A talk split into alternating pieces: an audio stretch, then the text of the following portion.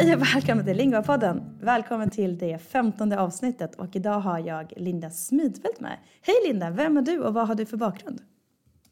Hej Sara! Eh, ja, Linda heter jag och jag eh, har arbetat som gymnasielärare i italienska och engelska sedan 1998. Så det är ganska många år eh, nu. Och de flesta av de åren har jag jobbat på Katedralskolan i Lund där jag fortfarande är kvar och undervisar i, i båda mina språk. Eh, och jag har också doktorerat eh, under tiden på deltid så att säga, så att jag har varit kvar på skolan hela tiden. Eh, men jag har också doktorerat vid Lunds universitet i italienska. Då. Och jag blev färdig med min avhandling 2019. Så det är några år sedan nu. Mm. Vad handlar din avhandling om? Ja, den handlar om eh, kort sammanfattning kan man väl säga att den handlar om eh, vilka strategi strategier man använder eh, när man försöker förstå okända ord i en italiensk text. Eh, så jag undersökte, det är, den består av tre studier, min avhandling, eh, så det är lite olika fokus eh, på de här studierna. Men den första som var min eh, licentiatavhandling, eh, den handlar om gymnasieelever eh, som läser italienska på olika nivåer då, italienska 1, 2, 3. Som fick läsa en autentisk text på italienska och sen så fick de då försöka gissa så mycket som möjligt eller lista ut, eller vad ska man säga, inferera eh, ord i den här texten som de kände att de inte kunde sen innan, eh, men som de kunde lista ut med hjälp av olika strategier. Um, och då brukar man prata om tre huvudstrategier så att säga. Det är, på engelska då kallar man det för intralingual.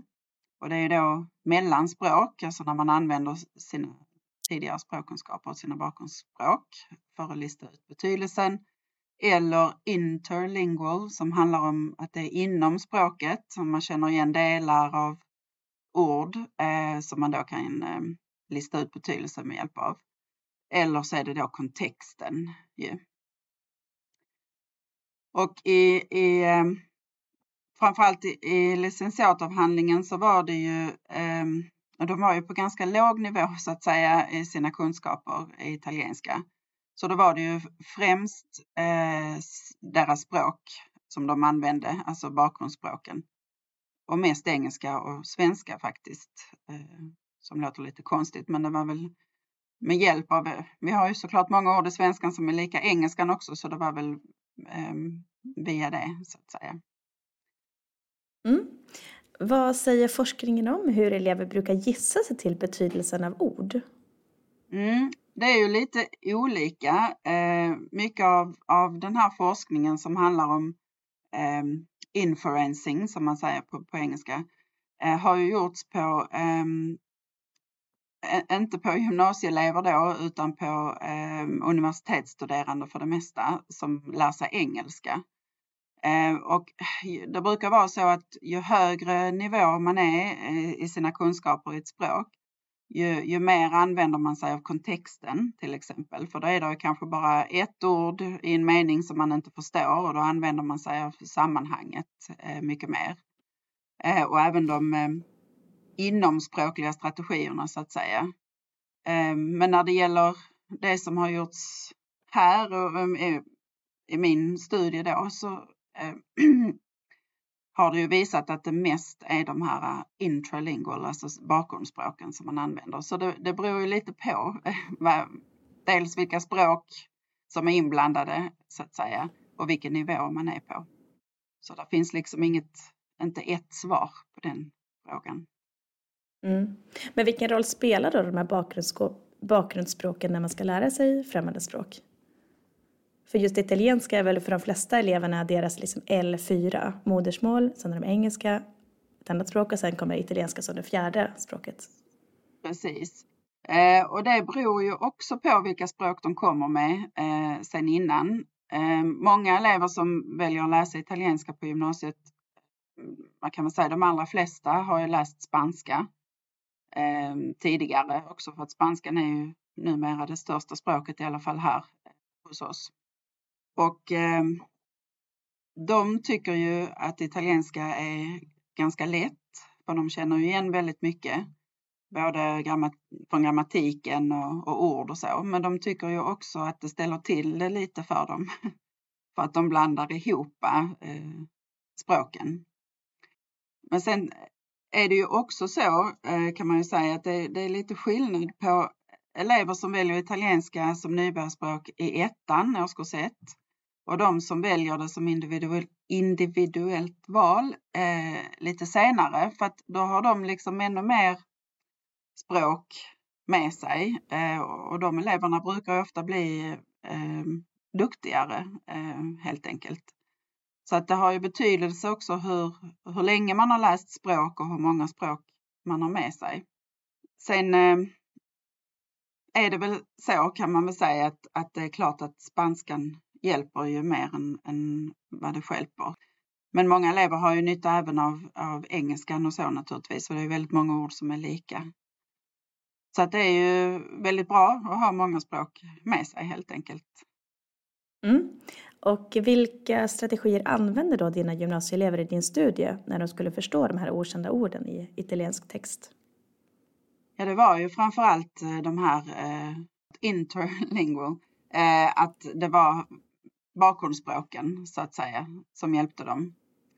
Eh, och jag gjorde ju några olika studier och jag hade en liten case study där jag hade, mm, det var inte gymnasieelever då, men det var Eh, studenter på universitetet.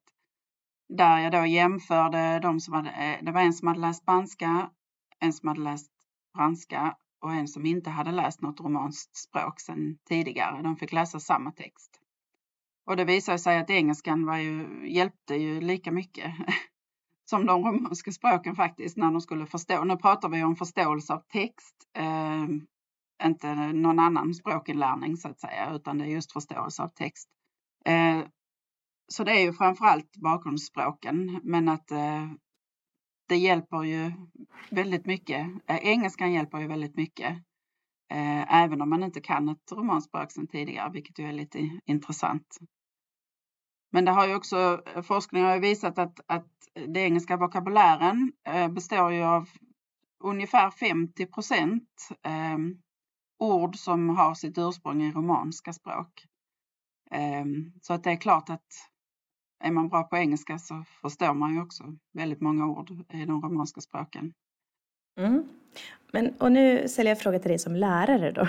Hur, hur undervisar man eleverna i att aktivera sina bakgrundsspråk? För om man tittar på läromedel, jag undervisar i tyska, läromedlen ju, har ju inte några särskilt explicita övningar i det här. Hur, hur arbetar du med det? Ja, um, jag försöker ju arbeta med, när vi arbetar med, med text eller så, att de inte får ut orden, så att säga översättningarna eller en ordlista eller så, utan de själva ska försöka komma fram till eh, vad de tror att det betyder först i alla fall. Och då uppmuntrar jag ju dem till att, att tänka på sina tidigare språk.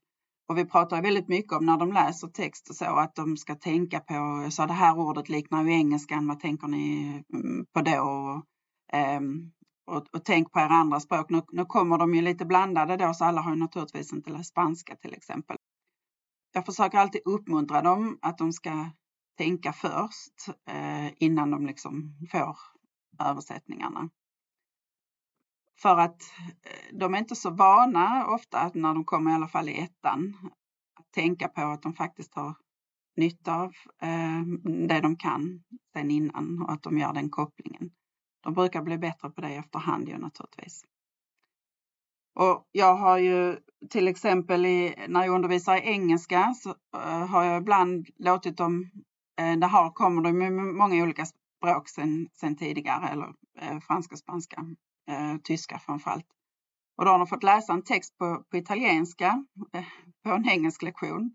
Mm, de får tänka efter då hur mycket av den här texten kan jag förstå med hjälp av mina andra språk och då blir de ju väldigt medvetna om att de faktiskt kan förstå väldigt mycket eh, av en italiensk text fast de inte kan ett ord italienska till exempel.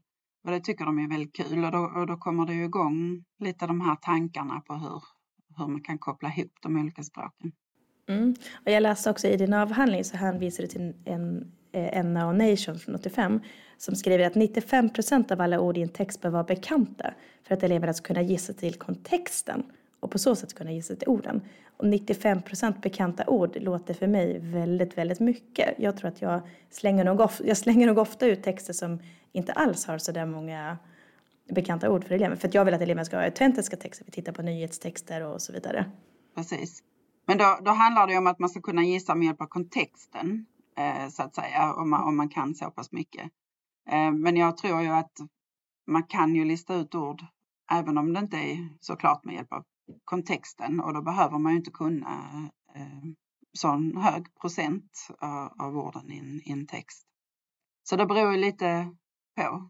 Vad kan lärare i italienska ta med sig till sitt klassrum från, från din avhandling?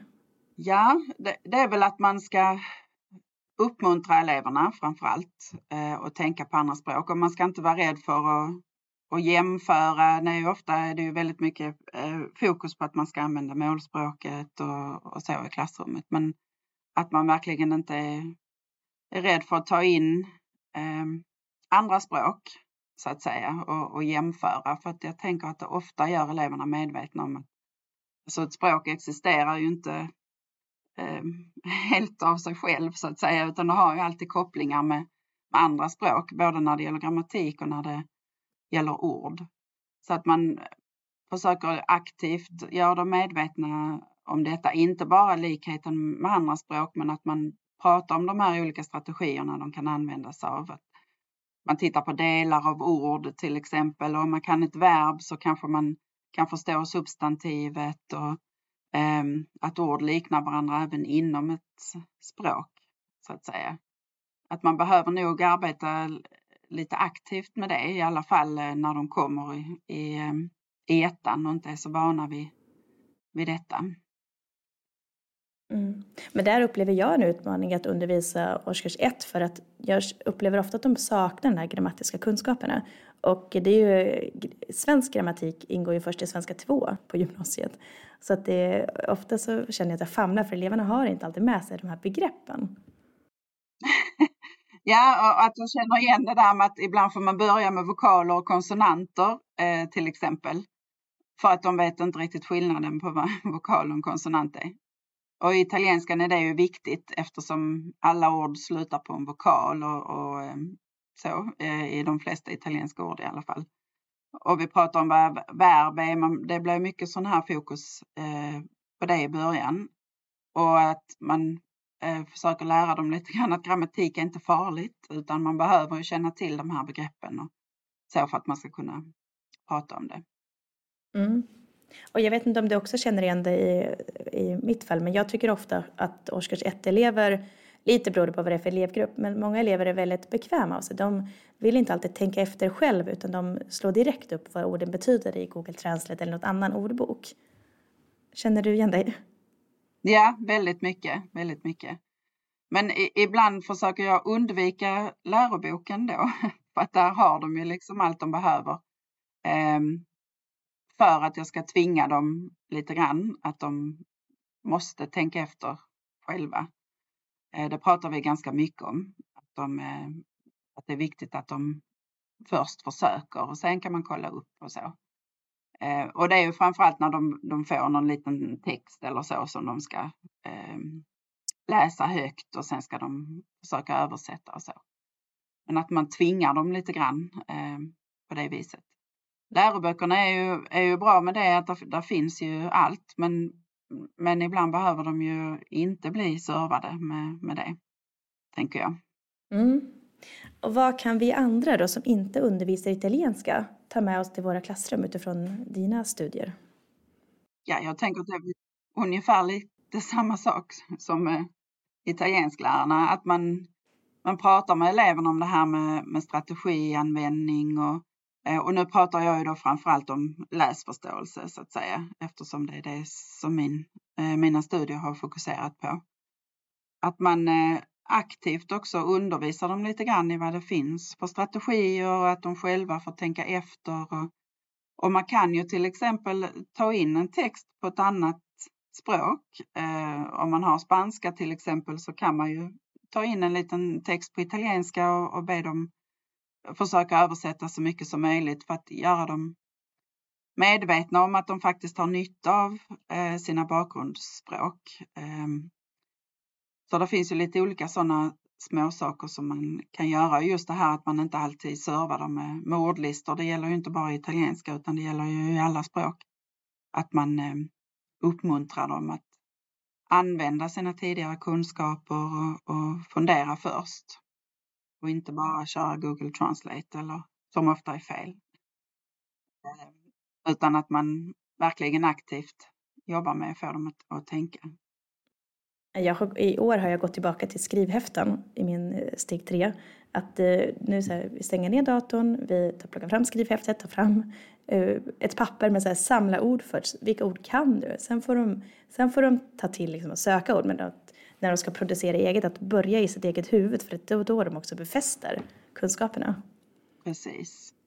Ja, för som du säger, de är ju ofta väldigt bekväma och de är vana vid att ibland när de ska översätta meningar så skriver de in hela meningen och får den översatt och det blir ju ofta tokigt. Så det, det får man ju verkligen påpeka för dem att, um, att man själv måste tänka först. Så det är ju jättebra. Och just det här med skrivhäften, jag ser ju det på mina elever, de som antecknar för hand, vilket många faktiskt gör just i italienska 1 och så. Att de har ju mycket bättre koll eh, på det vi har gjort än, eh, än de som antecknar på datorn. Och till och med ibland när de fortsätter på italienska 2 så har de ju kvar samma block. Så då kan de bara då bläddrar de tillbaka. Ja, men det var ju det vi pratade om i ettan och så. Så det, ja, det är ju en annan diskussion det här egentligen, men eh, det är väldigt intressant det här med inlärning och, och på vilket sätt man lär sig bäst. Mm. Tack Linda för att du ville vara med i Lingua-podden. Tack så mycket. Tack själv. Och tack till er som har lyssnat. För er som är medlemmar så finns det extra material på vår hemsida. Ni hittar länken här nere i show notes.